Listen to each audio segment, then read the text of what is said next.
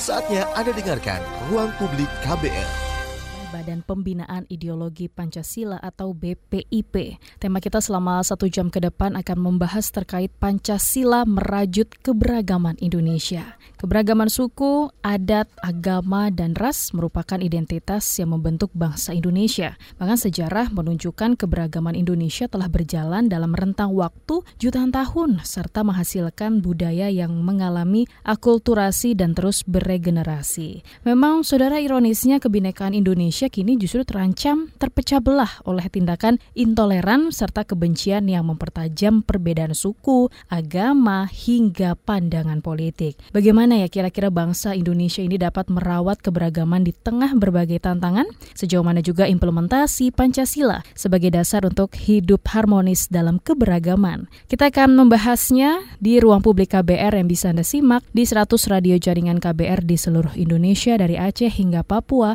Baik saudara terkait terkait dengan tema kita, kita akan langsung saja perkenalkan narasumber yang sudah hadir di studio Ruang Publik KBR pagi hari ini. Sudah ada Bapak Aris Heru Utomo selaku Direktur Sosialisasi, Komunikasi dan Jaringan BPIP. Nah, sebelum kita membahas terkait dengan Pancasila merajut keberagaman Indonesia, saya ingin bertanya terlebih dahulu Pak, apa sih sebenarnya BPIP ini, Badan Pembinaan Ideologi Pancasila, dan apa yang melatar belakangi? Terima kasih Mbak para pendengar sekarang. Jadi memang Badan Pembinaan Ideologi Pancasila atau BPIP ini memang suatu lembaga baru yang dibentuk oleh pemerintah Presiden Jokowi melalui peraturan Presiden nomor 7 tahun 2018 tanggal 28 Februari tahun 2018. Memang badan ini mempunyai tugas untuk memberikan masukan arah kebijakan pembinaan ideologi Pancasila kepada Presiden dan juga melakukan pelaksanaan kebijakan itu sendiri terkait dengan pembinaan ideologi Pancasila. Berdasarkan sejarahnya, BPIP ini sendiri memang kelanjutan dari unit kerja pembinaan ideologi Pancasila yang dibentuk oleh Presiden pada tahun 2017. Hmm. Yang tujuan, jadi diupdate kembali seperti itu ya? Iya, jadi ditingkatkan statusnya. Hmm. Karena unit kerja ini kan sifatnya hanya semacam unit ad hoc gitu. Jadi tidak mempunyai kapasitas atau kemampuan yang besar dalam mengorganisasikan kegiatan terkait dengan pembinaan ideologi Pancasila. Sementara isu mengenai pembinaan ideologi Pancasila atau ideologi Pancasila itu sendiri memang sangat besar dan dibutuhkan suatu badan yang bisa bergerak dan bisa melakukan bukan hanya memberikan masukan-masukan tetapi juga melaksanakan kegiatannya. Makanya kemudian di tahun 2018 pemerintah membentuk ya, yang namanya Badan Pembinaan Ideologi Pancasila. Jadi relatif kalau dibilang usia masih baru satu setengah tahun. Karena walaupun dibentuk pada bulan Februari 2018 praktis sebetulnya pejabat-pejabatnya baru mulai dilantik bulan Oktober dan November. Termasuk Pak Aris ya, termasuk saya sendiri baru bulan November hmm. dilantik dan bekerja. Kalau saya karena kebetulan saya dari Kementerian Luar Negeri saya kembali dulu ke unit kerja saya. Jadi saya baru masuk bulan Maret 2019 ini. Jadi praktis baru sekitar 10 bulan lah gitu baik. Hmm. kalau jika kita kaitkan dengan zaman modern gitu tentunya kehadiran kaum milenial nih yang pasti. Apakah Pancasila masih relevan Pak dengan kehidupan di zaman modern sekarang khususnya untuk anak-anak muda? Iya, justru kalau kita bicara relevansi Pancasila, Pancasila sebagai ideologi e, berbangsa dan bernegara memang ideologi yang sebetulnya tidak pernah mati karena memang Pancasila itu bukan ideologi masa lalu tapi justru ideologi masa depan sehingga jika ditanya mengenai relevansinya tentu akan tetap relevan. Nah, sekarang ini menjadi tantangan tersendiri bagi kami di BPIP bagaimana bisa melakukan apa namanya uh, sosialisasi atau internalisasi mengenai pembinaan uh, juga pembinaan hmm. uh, mengenai uh, ideologi Pancasila ini sehingga relevan khususnya di kalangan anak-anak muda yang mungkin sejak boleh dikatakan sejak reformasi 98 tidak mendapatkan lagi mengenai uh, pemahaman atau pengetahuan mengenai apa itu Pancasila. Praktis di sekolah kan tidak ada lagi pengajaran mengenai pendidikan Pancasila. Oke. Okay. Dan biasanya dalam bentuk apa sih Pak yang pembinaan yang dilakukan juga dari BPIP ini? Iya, tentunya kalau kita bicara pembinaan ada ada beberapa aspek bisa secara formal dan juga secara informal. Kalau formal misalnya melalui jalur-jalur pendidikan, sementara mm -hmm. uh, informal atau non formal bisa berbagai cara. Nah sekarang ini di dalam usianya yang masih sangat uh, muda, BPP sedang menyiapkan materi-materi pembinaan khususnya yang formal maupun non formal sehingga nanti diharapkan ke depannya kita bisa mendapatkan materi yang utuh mengenai misal pembinaan ideologi Pancasila di sekolah misalnya sekolah dan juga di perguruan tinggi. Selain itu juga pembinaan secara formal di kalangan pegawai negeri, TNI, Polri. Kemudian nanti ada aspek-aspek lain juga di luar pemerintahan misalnya eh, kelompok-kelompok masyarakat, komunitas dan lain sebagainya. Baik. Nah, eh, bagaimana sih Pak sebenarnya kalau kita membahas tentang nilai-nilai Pancasila ini kan berakulturasi dengan budaya modern dan generasi muda saat ini. Menurut Bapak seperti apa? Jadi kalau kita bicara tentang nilai-nilai Pancasila, sebetulnya nilai Pancasila adalah nilai-nilai yang sebetulnya hidup di dalam uh, masyarakat Indonesia itu sendiri. Harus melekat dalam diri ya Pak ya? Iya, jadi hmm. sebetulnya sudah ada di keseharian uh, masyarakat kita, di dalam kehidupan kita, hanya saja mungkin kita tidak menyadarinya bahwa itu memang bagian dari nilai-nilai Pancasila. Makanya ketika Bung Karno menelurkan gagasan mengenai Pancasila, beliau menyatakan bahwa Pancasila itu bukan beliau yang membuat, tapi beliau menggali uh, Pancasila dari nilai kehidupan masyarakat Indonesia Indonesia itu sendiri.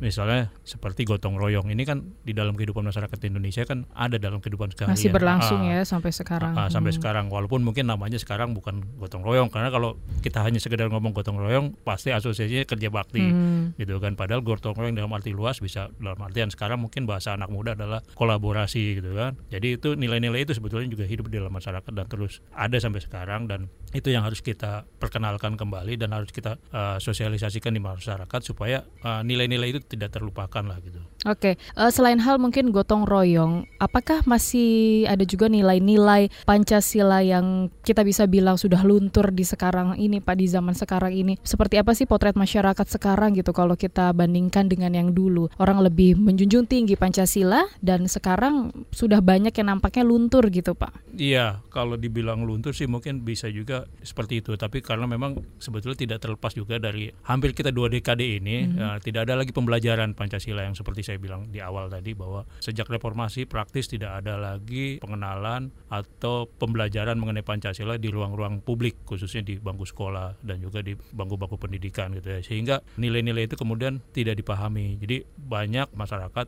hanya paham misalnya butir-butir Pancasila tapi ketika pelaksanaannya mereka tidak tahu lagi terutama generasi muda lah itu tadi yang yang praktis setelah dua dekade tidak ada pengajaran. Nah itu yang yang menjadi tantangan sendiri bagi BPIP. Gitu. Oke, tantangan sendiri. Berarti kan ada juga langkah yang dilakukan oleh BPIP nih Pak, hmm. yang terus digencarkan hmm. seperti program-program juga hmm. kepada apa, khususnya kepada anak-anak sekolah misalnya seperti yeah. itu dan juga masyarakat kan juga ingin terus menjunjung tinggi. Apa yang hmm. dilakukan hmm. Pak? Iya, tentunya seperti amanah yang diberikan kepada BPIP untuk melakukan pembinaan atau menyusun arah kebijakan, hmm. langkah utama yang sekarang di, sedang dilakukan adalah menyusun yang namanya garis besar haluan ideologi Pancasila. Ini salah satu amanat yang disebutkan di dalam Perpres nomor 7 tahun 2018 mengenai pembentukan uh, Badan Pembinaan Ideologi Pancasila. Nah, dari sini kemudian turunannya kita buat ke dalam peta jalan pembinaan ideologi Pancasila dan kemudian nanti uh, hal-hal teknis lebih lainnya adalah misalnya ke kurikulum pendidikan itu akan masuk. Kemudian bagaimana uh, kurikulum pendidikan ini sesuai dengan setiap level. Jadi mulai uh, anak usia dini, menengah sehingga perguruan tinggi tentunya nanti materinya akan akan berbeda tidak akan sama. Nah ini jadi akan dimasukkan kita, ke kurikulum pelajaran lagi atau? Iya, hmm. jadi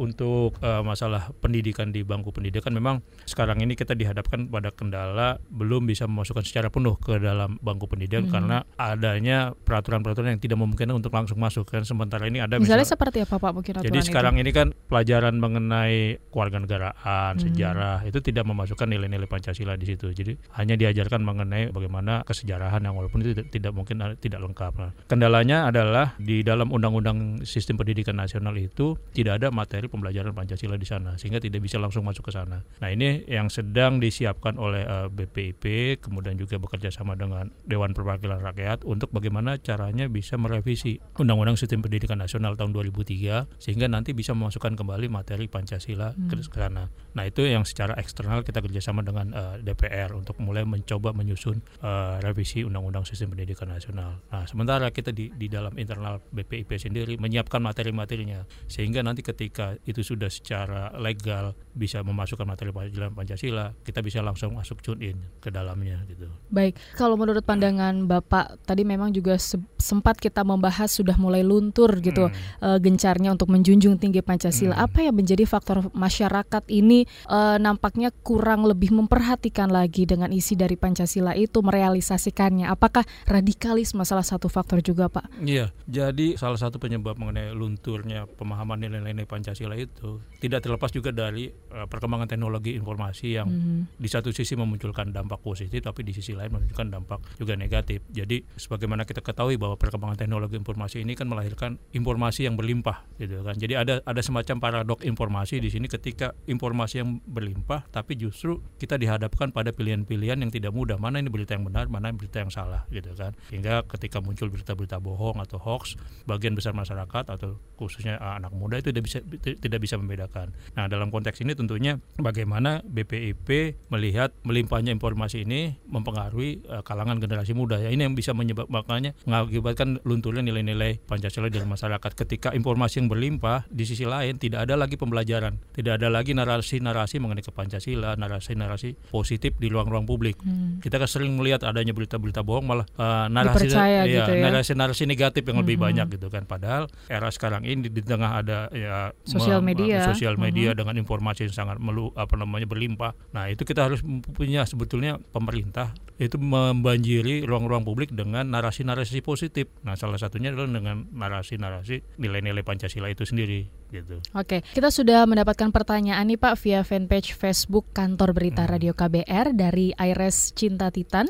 Katanya apa bedanya BPIP dengan BP7 zaman hmm Pak Harto dulu. Boleh Pak hmm. uh, ditanggapi sedikit silakan. Iya, jadi kalau di zaman uh, Pak Harto itu BP7 memang lebih kepada badan yang dibentuk untuk melakukan pembinaan pendidikan uh, moral Pancasila dan memang dibuat uh, oleh Pak Harto itu untuk menanamkan nilai-nilai uh, moral Pancasila ke masyarakat.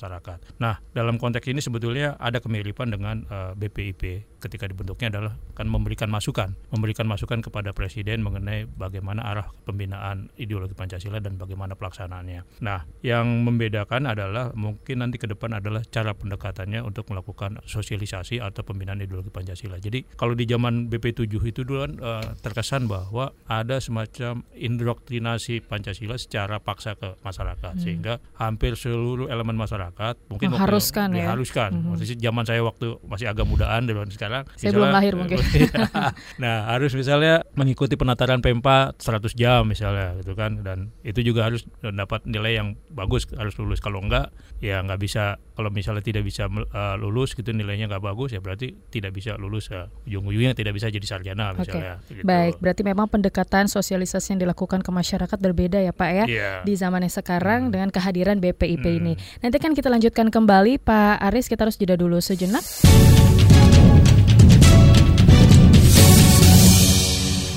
Terima kasih Anda masih setia bersama kami di ruang publik KBR yang dipersembahkan oleh Badan Pembinaan Ideologi Pancasila BPIP. Tema kita pagi hari ini Pancasila merajut keberagaman Indonesia. Baik, saya masih bersama dengan Bapak Aris Heru Utomo selaku Direktur Sosialisasi Komunikasi dan Jaringan BPIP. Pak Aris, kalau kita membahas sedikit terkait dengan Pancasila yang sudah lahir dari sebelum merdeka, tapi justru baru ditetapkan hari lahirnya di era pemerintahan Jokowi. Bagaimana sih Pak sebenarnya sejarah perjalanan Pancasila tersebut? Iya, uh, jadi gini Mbak, memang seperti saya bilang tadi bahwa pembelajaran atau pemahaman uh, Pancasila di ruang publik itu sejak reformasi 98 memang sudah sangat berkurang sehingga kemudian isu sederhana mengenai hari lahir Pancasila pun menjadi konflik berkepanjangan. Jadi jadi isu-isu yang terus dibahas sehingga ada yang bilang bahwa kalau Pancasila lahir 1 Juni 1945 adalah punyanya kelompok A. Hmm. Pancasila lahir tanggal 22 Juni 1945 adalah punyanya kelompok B. Sementara yang 8, bilang 18 Agustus 1945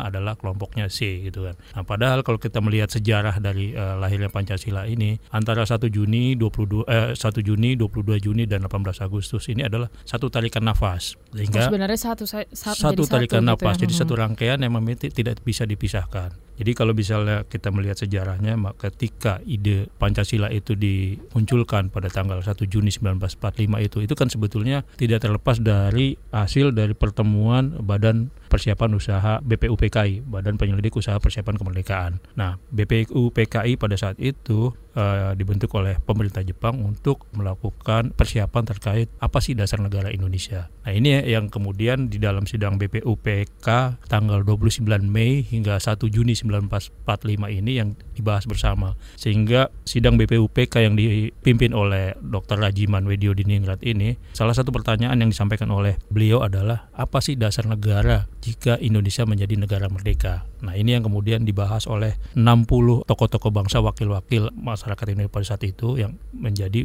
peserta atau anggota BPUPK. Nah, mereka membahas mulai dari tanggal 29, 30, 31 dan terakhir adalah Bung Karno pada tanggal 1 mm -hmm. Juni 1945. Beliau menjawab bahwa tuan-tuan ketika menjawab pertanyaan dari uh, Dr. Rajiman mengenai apa dasar negara Indonesia, ternyata dari tanggal pidato dari tanggal 29 sampai tanggal 31 itu belum ada yang bisa menjawab itu. Nah, kemudian uh, beliau menyampaikan mengenai dasar negara yang diusulkan dasar negara oleh Bung Karno adalah Pancasila. Baik. Gitu. Nah, kalau misalnya Pancasila kan yang lima sila itu kebangsaan, kemanusiaan, nah, kemudian ada kerakyatan, ada ketuhanan. Nah, itu dipandang tidak terlalu kebanyakan, beliau bilang bisa menjadi tiga sila, trisila. Hmm. Tapi kalau tiga sila pun masih terlalu banyak, bisa diperas menjadi satu sila atau eka sila, yaitu gotong royong. Nah itu yang kemudian ide itu Pada muncul. Intinya adanya gitu ya. itu. Nah hmm. kemudian pada tanggal 22 Juni, apa yang sudah dibahas di tanggal 1 Juni ini, khususnya apa yang gagasan disampaikan oleh Bung Karno yang diterima oleh uh, putusan oleh BPUPK pada tanggal uh, 1 Juni ini, dibahas kembali di tanggal 22 Juni itu sehingga dikenalah Pancasila, rumusan Pancasila seperti sekarang dan kemudian disahkan pada tanggal 18 Agustus. Jadi itu eh, yang harus kita lihat perjalanan, perjalanan itu. Ya. Uh, Baik. Sebelum kita membahas kembali Pak, kita terima telepon terlebih dahulu. Sudah ada Pak Parlindungan Harahap di Bogor. Selamat pagi Pak Parlindungan. Selamat pagi kembali Ibu. Iya. Silahkan langsung ke pertanyaannya Pak Parlindungan. Salam hormat saya Bapak. Salam hormat Pak Parlindungan. Subhanallah, saya melihat Bapak dari kolbu saya hukum tata negara kita dan hukum administrasi negara kita sangat rancau saat ini. Kalau bisa Pak dikembalikan saja amandemen itu ke Undang-Undang Dasar 45 Baik. Bapak karena saya lihat fondasi kita dirubah-rubah. Fondasi itu tidak boleh dirubah-rubah. Nah, kalau mau makin banyak penduduk maka buatlah pavilion. Baik. Mungkin di situ ada e, ekonomi kerakyatan dan lain-lain. Jadi saat ini saya lihat sepertinya presidensil ini kayaknya otoriter. Kalau bisa par uh, parlementer lah Pak kembali. Karena kita MPR garda terdepan Bapak sejengkal tanah pun diambil. Oke. Nah, Terima kasih MPR Pak Perlindungan. Akan jalan garda ya. terdepan. Terima Nanti kasih. akan Ibu. ditanggapi Hukum. oleh Pak Aris. Silahkan ditanggapi statement dari Pak Perlindungan. Ya, uh, terima kasih Pak Perlindungan untuk masukannya. Kami akan catat dan itu akan menjadi bahan BPIP untuk membuat uh, masukan kebijakan terkait dengan bagaimana perlunya melakukan amandemen Undang-Undang Dasar 1945. Saya kira itu nanti kami catat Pak dan uh, terima kasih sekali lagi atas masukannya Pak. Baik. Nah selanjutnya juga sudah ada pertanyaan via WhatsApp Roni di Depok. Pak Aris, BPIP apa juga kelak bikin penataran Pancasila sebagai syarat lulus seperti yang Bapak sampaikan tadi? Bagaimana cara yang efektif saya sebagai orang tua menanamkan ideologi Pancasila kepada anak-anak saya yang generasi Z dan Alpha? Pendekatan model apakah yang tepat di rumah bagi generasi di pasca generasi milenial ini, Pak? Mohon ditanggapi. Iya, terima kasih Pak Roni di Depok uh, untuk pertanyaannya. Jadi memang pada saat ini BPP sedang menyiapkan garis besar haluan ideologi Pancasila yang nantinya akan diimplementasikan salah satunya adalah kebentuk kurikulum pembelajaran Pancasila. Dan memang kita sekarang ini belum memutuskan apakah akan seperti eh, zaman dulu bahwa penataran itu satu hal yang wajib sehingga harus eh, lulus penataran untuk bisa naik jenjang atau lulus pendidikan. Cuma memang uh, cara-cara seperti itu sedang sedang kita pertimbangkan. Tapi satu hal yang jelas adalah bahwa pendidikan atau nanti uh, pembinaan ideologi Pancasila adalah lebih banyak akan memberikan hal-hal yang terkait dengan isu-isu keteladanan. Jadi uh, bagaimana kita bisa menanamkan ideologi tanpa harus ada terasa sifat-sifat pemaksaan. Ini bisa kita lihat Seperti karena yang terdahulu. Iya, gitu ya, jadi Pak, ya? uh, jadi mungkin nanti kita misalnya menggunakan media-media yang biasanya disukai oleh anak-anak muda misalnya kan, hmm. kan, uh, misalnya melalui jalur olahraga, terus melalui film, juga melalui musik. Nah nanti ini mengenai formatnya nanti yang akan kita coba sesuaikan. Kemarin waktu di pidato Pak Presiden di Presidential Lecture di Istana tanggal 3 Desember, beliau menyebutkan juga misalnya kita bisa menitipkan uh, pembelajaran nilai Pancasila misalnya lewat Didi Kempot misalnya gitu kan. hmm. kan. Nah, karena banyak yang menyukai banyak yang menyukai gitu ya. mereka gitu. Jadi mungkin cara-cara yang lebih agak lebih lebih menyenangkan kita coba masukkan. Nah, satu lagi yang terkait dengan uh, pendidikan Pancasila keluarga mungkin ini juga salah satu faktor penting yang menjadi uh, perhatian kita bersama bahwa pendidikan Pancasila hendaknya bisa dilakukan sejak usia dini mbak sehingga ketika mereka keluar rumah mereka sudah lebih siap menghadapi lingkungan yang mungkin lebih keras dibandingkan di dalam rumah Baik. gitu.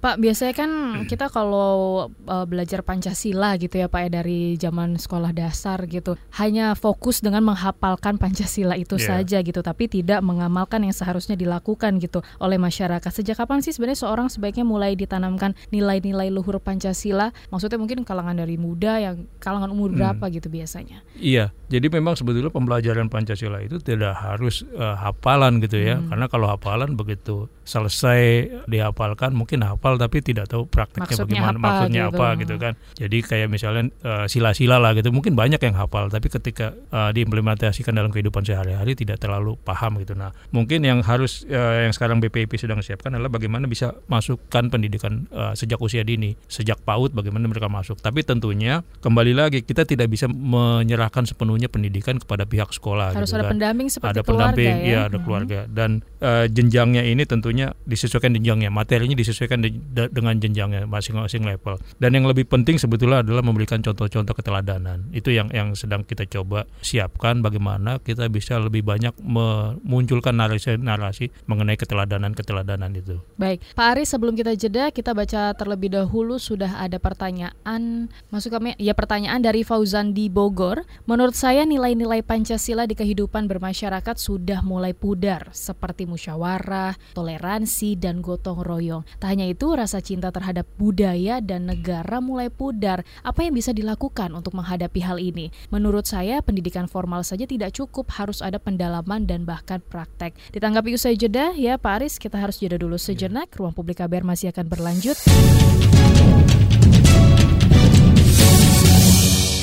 Terima kasih Anda masih setia bersama kami di Ruang Publik KBR yang dipersembahkan oleh Badan Pembinaan Ideologi Pancasila BPIP. Bagi Anda yang baru saja bergabung, tema kita pagi hari ini Pancasila merajut keberagaman Indonesia. Baik Pak Aris, tadi ada pertanyaan yang disampaikan oleh Pak Fauzan di Bogor. Apa yang bisa dilakukan untuk menghadapi hal-hal cara yang dilakukan kepada anaknya gitu Pak, agar toleransi itu tidak pudar, terus juga rasa cinta terhadap budaya dan negara kan nampaknya mulai pudar nih sekarang. Iya, jadi memang eh, benar sekali bahwa saat ini di Tenggarai terjadinya pemudaran ya nilai-nilai nilai Pancasila di dalam kehidupan berbangsa dan negara dan memang perlu strategi khusus untuk bagaimana menguatkan kembali nilai-nilai Pancasila di dalam eh, masyarakat sehingga pendalaman dan juga praktek-praktek itu yang harus diperbanyak. Nah, itu yang kami lakukan salah satunya adalah kami mencoba menggali mutiara-mutiara Pancasila yang se- sebetulnya sudah ada di dalam eh, kehidupan masyarakat Indonesia kemudian itu kami munculkan ke ruang publik yang mungkin mereka selama ini sudah melakukan kegiatan-kegiatan atau uh, pemahaman nilai-nilai Pancasila tapi tidak tidak terekspos di ruang di ruang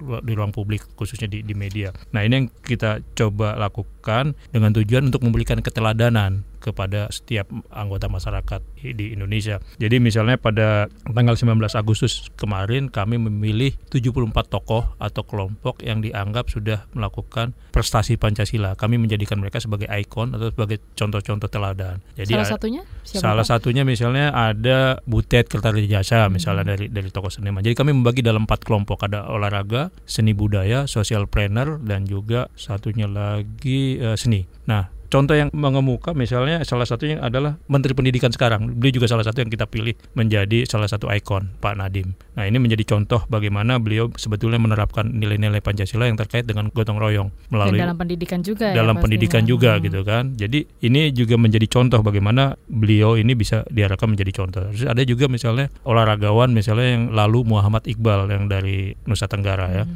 Nah, dia juga dipilih menjadi eh, salah satu ikon untuk menjadi contoh bagaimana di tengah keterbatasan dia bisa bergiat sehingga melahirkan prestasi. Karena ketika kita ngomong Pancasila, kita sebetulnya juga sekarang ini tidak terlepas juga dengan masalah prestasi kan. Pancasila untuk tujuannya adalah mengharumkan nama bangsa, berbuat baik segalanya. Nah, ketika kita berniat melakukan atau mengharumkan nama bangsa itu kan tidak bisa dicapai kalau kita tidak berprestasi. Baik, gitu. tapi seberapa besar sih Pak keterkaitan antara Pancasila dan juga toleransi di kalangan masyarakat? Iya, ya? kalau kita bicara toleransi tentunya kan kita berbicara bagaimana bersikap saling menghormati satu sama lain. Nah, dalam konteks ini sebetulnya uh, peran Pancasila sangat besar karena kalau kita melihat nilai-nilai di dalam Pancasila misalnya di sila keempat misalnya musyawarah mufakat itu kan juga bagaimana kita mendiskusikan atau membahas sesuatu itu dengan dengan cara musyawarah mufakat tidak harus menang-menangan mana yang kuat powernya dia yang diterima pendapatnya. Tidak ada kubu-kubuan. Tidak ada gitu kubu-kubuan. Ya. Nah, ini juga sebetulnya bagian dari salah satunya dari dari sikap toleransi. Jadi ketika kita ngomong toleransi bukan hanya sekedar misalnya masalah ketuhanan, toleransi beragama gitu kita menghormati satu agama agama dengan agama yang lain gitu kan. Tapi juga itu tadi toleransi di dalam bidang uh, demokrasi kemudian juga contohnya mungkin di bidang ekonomi. Nah itu yang harus kita ini. Kan ironis ketika kita ngomong toleransi tapi ternyata kita sering melihat juga nih ada pembangunan rumah yang berdasarkan kelompok syariah kelompok ini kelompok itu gitu kan. Nah ini juga eh, hal-hal uh, yang sangat ironis gitu ketika kita membangun keberagaman tapi di sisi lain kita membangun kelompok-kelompok. Nah ini yang sebetulnya harus kita hindari gitu. Baik kita terima telepon terlebih dahulu. Pak Aris sudah ada Tri di Jakarta Jakarta. Selamat pagi. Iya, selamat pagi. Oh iya, Ibu Tri, silahkan ada iya. pertanyaan ya. apa? Iya, selamat pagi Pak. Tadi saya Selamat pagi Bu Tri. Tertarik Iya, saya dengan tertarik dengan komentar Bapak yang terakhir soal perumahan yang uh, berdasarkan agama itu, Pak. Saya sangat setuju itu harus dilarang itu, Pak. Harus dibikin aturan bahwa perumahan itu kalau perlu harus beragam, seperti itu juga kantor, saya kira juga untuk kantor-kantor tertentu ya. Selain itu saya juga kembali tadi soal kurikulum, Pak. Apakah memang perlu masuk bikin kurikulum tersendiri begitu, Pak? Apa enggak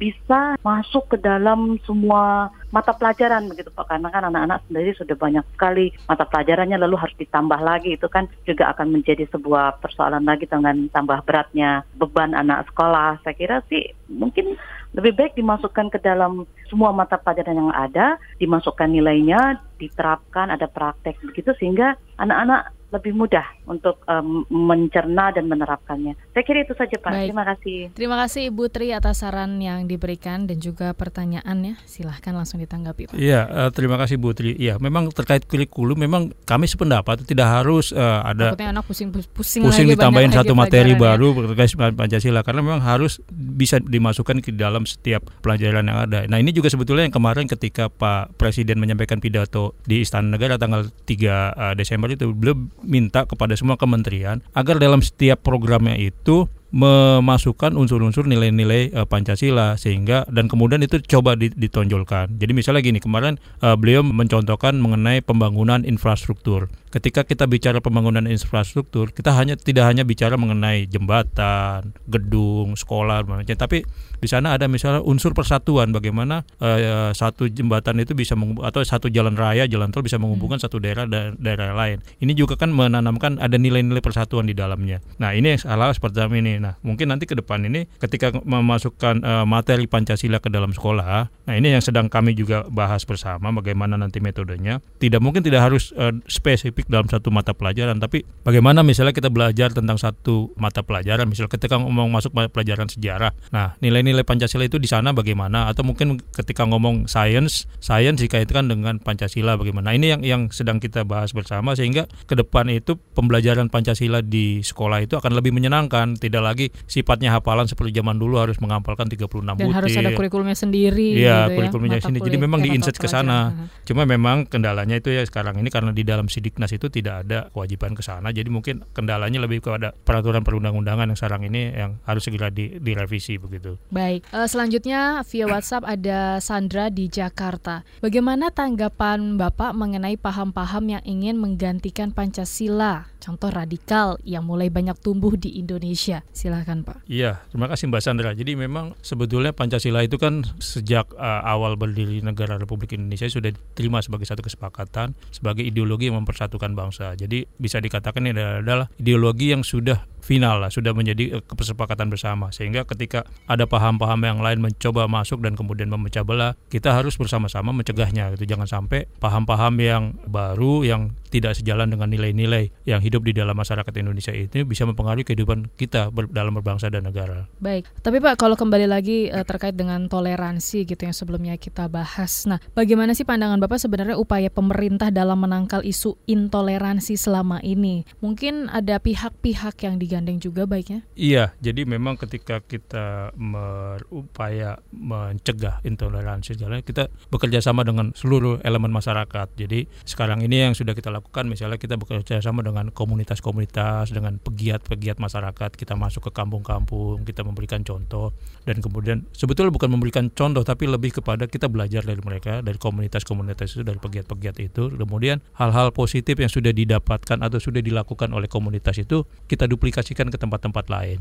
Sebagai contoh yang gampang adalah mungkin sebagian dari pendengar ini sudah pernah jalan-jalan ke Malang ke kampung wisata yang warna-warni. Itu pada awalnya sekitar 8 sampai 10 tahun itu uh, lalu itu kampung itu adalah kampung kumuh, kotor dan jorok dan juga boleh dikatakan uh, nilai-nilai gotong royong di dalam masyarakat itu tidak hidup padahal itu mereka di desa. Nah, ini kemudian oleh beberapa pegiat kampung diupayakan untuk mengembalikan semangat gotong royong ini dengan mulai misalnya bekerja sama bekerja bakti untuk membersihkan lingkungan sehingga kemudian kampung itu yang tadinya kumuh, jorok, kemudian sekarang menjadi kampung yang sehat dan menjadi uh, objek tujuan hmm, wisata yang gitu disenangi kan. oleh masyarakat oleh lain masyarakat gitu ya. orang-orang ya. datang ke Seharusnya sana. menjadi contoh juga untuk kota lainnya. Ya, itu yang Hmm. kemudian kita coba duplikasikan di tempat-tempat lain. Baik, Pak Aris sebelum jeda kita terima telepon terlebih dahulu sudah ada Pak Rohman di Depok. Selamat pagi Pak Rohman. pagi Mbak Dina, Iya. Bung Aris, selamat pagi Bung Aris. Selamat pagi Pak Rohman. Pak Rohman karena kita mau jeda, singkat saja pertanyaannya silahkan. Waktu singkat, ya saya usahakan singkat. Baik. Ini Bung Aris untuk menyingkat kata-kata saya, narasi saya. Yang kita bicara Pancasila ini ya, untuk selalu sila ke satu, ketiga, dan kelima relatif mudah dicerna Pak. Yang mau saya kritisi dua sila yang lain, yaitu sila kedua dan sila keempat. Sila kedua, kemanusiaan yang adil dan beradab. Kemanusiaan, kata kemanusiaan dan adil tidak perlu dibahas lagi, banyak orang sudah mengerti. Tapi khusus kata beradab, nah di sini yang menimbulkan dilema ini. Baik. Apalagi untuk, aduh kalau sudah baik Mbak Dina ini padahal masih ada tiga menit ini saya mau Iya. ngomong. Ya, selanjutnya Pak, yang Jadi- keempat mungkin langsung saja. Tunggu Sila yang beradab Mhm. ini, beradab ini hubungannya dengan budaya. Padahal ada ratusan suku bangsa di Indonesia. Jadi ini perlu dilanjut, dibahas lebih lanjut. Yang keempat ya Mbak, secara simbolik kalimatnya itu kan kalimatnya dulu ya. Kerakyatan yang dipimpin oleh hikmat kebijaksanaan dalam permusyawaratan perwakilan. Yang tengah itu kata-kata hikmat kebijaksanaan. Nah ini menjadi dilema lagi nih. Untuk pendidikan S1 ke bawah, ini problem. Apa ini hikmat kebijaksanaan ini? Baik. Jadi ini juga perlu kalau bisa, ini kan Pancasila bukan kitab suci ya, boleh diamandemen. Jadi usulan saya, coba ini dicarikan kalimat yang lebih mudah dicerna, yang lebih membumi gitu. Bung Aris, selamat berjuang ya. Terima kasih, selamat pagi Mbak Selamat Dina. pagi. Terima Terima kasih, Pak Pak Rohman. Rohman sudah bergabung bersama kami dari Depok. Dan saudara, ruang publik KBR masih akan berlanjut.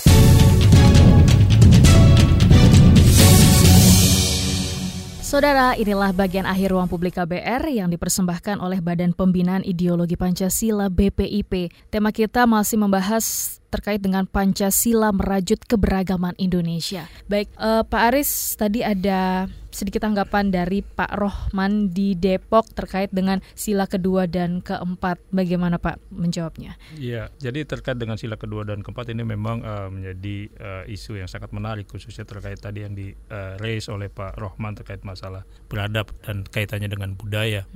Karena kita paham sebetulnya eh, masyarakat kita memang terdiri dari beragam budaya kan. Masing-masing daerah punya kebudayaannya sendiri, masing-masing bahkan di satu daerah pun di masing punya suku-suku yang.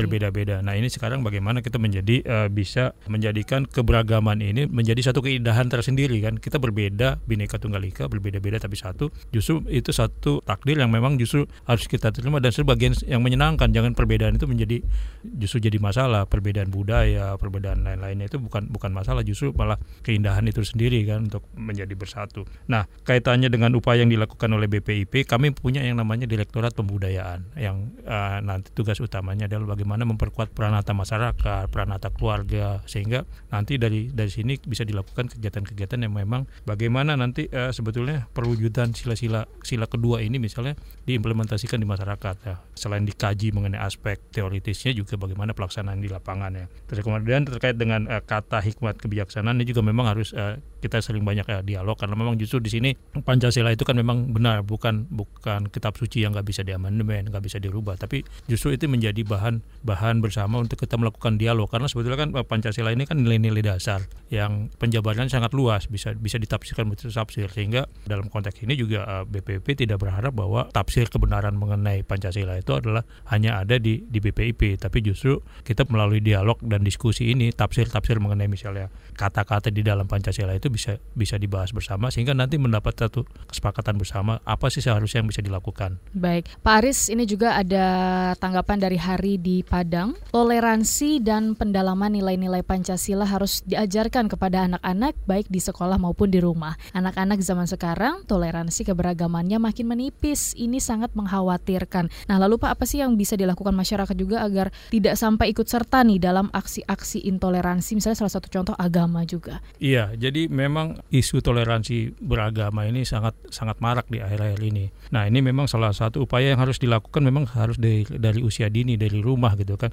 Jadi dari awal anak-anak itu harus bisa diajarkan menerima perbedaan gitu kan. Jadi misalnya dari dari kecil harus misalnya dibiasakan misalnya anak-anak yang dari kaum muslim lah misalnya mm -hmm. Islam ya jangan hanya main di kelompok hanya muslim ya kan mereka jadi seragam kan tapi juga mereka harus bisa mengenal bahwa uh, dengan teman-temannya yang dari Nasrani dari Hindu dari Buddha dan juga mungkin bukan Tidak hanya membedakan dari sisi agama membedakan itu. uh, uh, Hmm. jadi mereka diajarkan untuk mulai bergaul masuk ke dalam kelompok-kelompok yang beragam. Jika bukan hanya misalnya sesama suku Jawa atau sesama suku Padang tapi masuk tempat-tempat yang misalnya di sana ada suku-suku atau agama-agama lain. Nah, ini ini yang sangat menarik karena kami juga melihat ada inisiatif-inisiatif di masyarakat yang melakukan hal ini. Seperti di Padalarang misalnya kami menemukan ada pegiat pendidikan yang mendirikan sekolah keberagaman yang murid sekolahnya itu didatangkan dari seluruh Indonesia. Ada yang dari Papua dari Aceh dari Kalimantan dari Jawa dan uh, sukunya pun beragam ada suku uh, Jawa Batak Papua bahkan ada etnis Cina pun ada Arab ada masuk ke sana dengan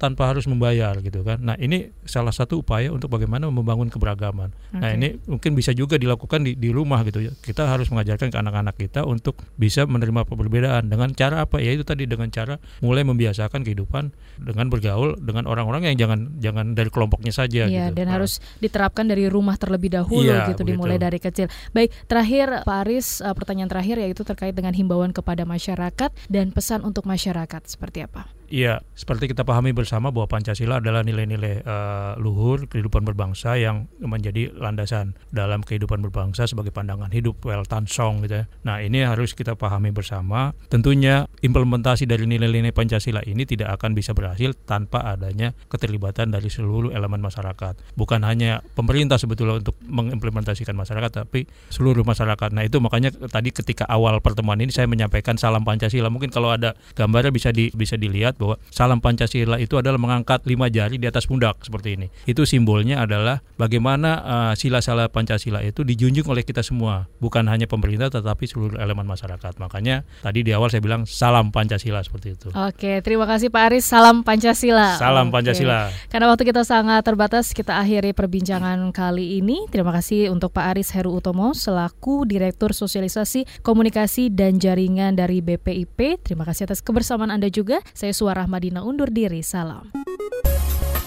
Telah Anda dengarkan Ruang Publik KBR yang dipersembahkan oleh Badan Pembinaan Ideologi Pancasila.